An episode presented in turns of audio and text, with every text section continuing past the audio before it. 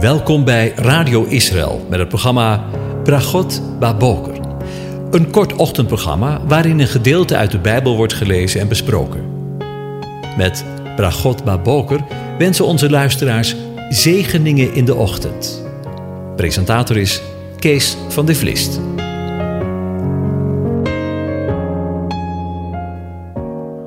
Welkom weer. Vandaag denken we weer verder na over Psalm 119 en dan nu de versen 5 tot en met 8. Ik lees ze aan u voor. Och, waren mijn wegen zo vast, dan zou ik niet beschaamd worden, als ik oog zou hebben voor al uw geboden. Ik zal u loven met een oprecht hart, wanneer ik uw rechtvaardige bepalingen geleerd heb. Ik zal uw verordening in acht nemen. Verlaat mij niet geheel en al. Tot zover. Over toewijding gesproken. Voor het verband van het voorgaande is het goed om het voorgaande vers nog eens te lezen.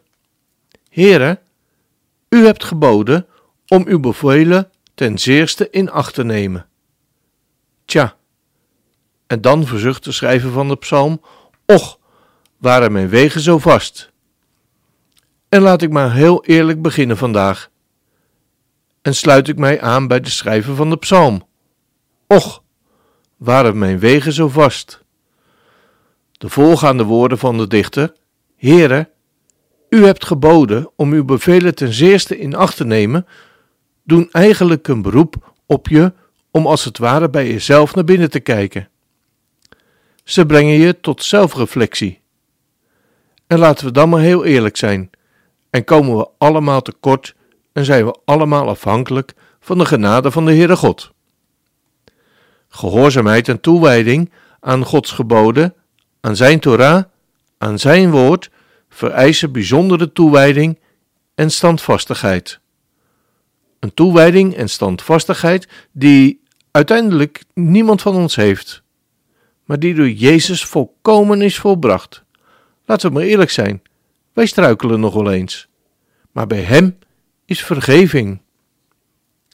De uitdrukking och dat toch, of ocht mocht het zijn, komt in het Hebreeuws nog maar één keer voor in de Bijbel.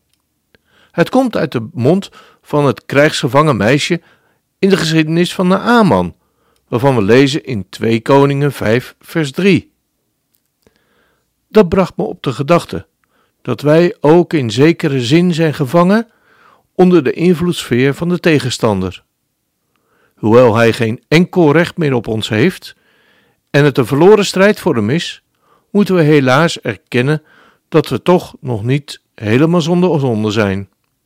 Ja, ik weet het. Wanneer we tot het geloof in Heer Jezus gekomen zien, zijn, ziet Hij ons aan in Christus. Maar ook Paulus verzucht in Filippenzen 3, vers 12: Niet dat ik het al reden gekregen heb of volmaakt ben, maar ik jaag ernaar, of ik het ook grijpen mag. Wat, uh, waartoe ik ook van Christus gegrepen ben. Broeders, ik zelf denk niet dat ik het gegrepen heb, maar één ding doe ik, vergetend wat achter mij is, strek ik mij uit naar wat voor mij is, jaag ik naar het doel, de prijs van de roeping van God die van boven is, in Christus Jezus. De schrijver van de psalm schrijft: Och, dat mijn wegen zo vast waren.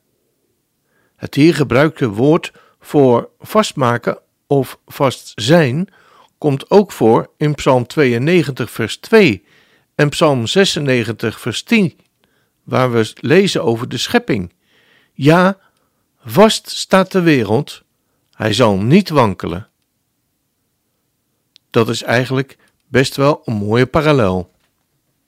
Dan wordt de gedachte: Och, dat mijn wegen zo vast waren, zoals de wereld, uw schepping, vaststaat, want die zal niet wankelen. Die gedachte brengt de schrijver van de psalm en mij bij de gedachte dat we, ondanks al onze goede bedoelingen en al ons proberen, een leven lang niet kunnen voldoen aan Gods wet, aan Gods Torah en daarbij uitsluitend afhankelijk zijn van Zijn aanwezigheid en bijstand in ons leven. Daarom biedt de dichter ook: Verlaat mij niet geheel en al. In het Hebreeuws wordt hiermee bedoeld op een totale, volkomen verlatenheid, meer dan hij zou kunnen verdragen. Tja, dat brengt mij onwillekeurig bij de woorden die zijn zoon in totale verlatenheid van zijn vader aan het kruis uitriep: Mijn God, mijn God, waarom hebt u mij verlaten? Weet je waarom? Omdat hij jou en mijn zonde op zich genomen heeft. Daar waar jij en ik steeds weer de mist ingingen, gaan en zullen gaan, ondanks al onze goede bedoelingen, en vader geen gemeenschap kan hebben met de zonde. Daarom hing zijn zoon aan het schandelijke kruis, verlaten door zijn vader, opdat jij en ik nooit meer door hem verlaten zouden zijn. We mogen ons altijd geborgen weten in hem. Wat een geweldig werk heeft zijn zoon voor jou en mij gedaan. Laten we hem daarvoor alle dank en eer brengen, in ons dagelijks uitstrekken naar hem. Ik wens u een van God gezegende dag toe.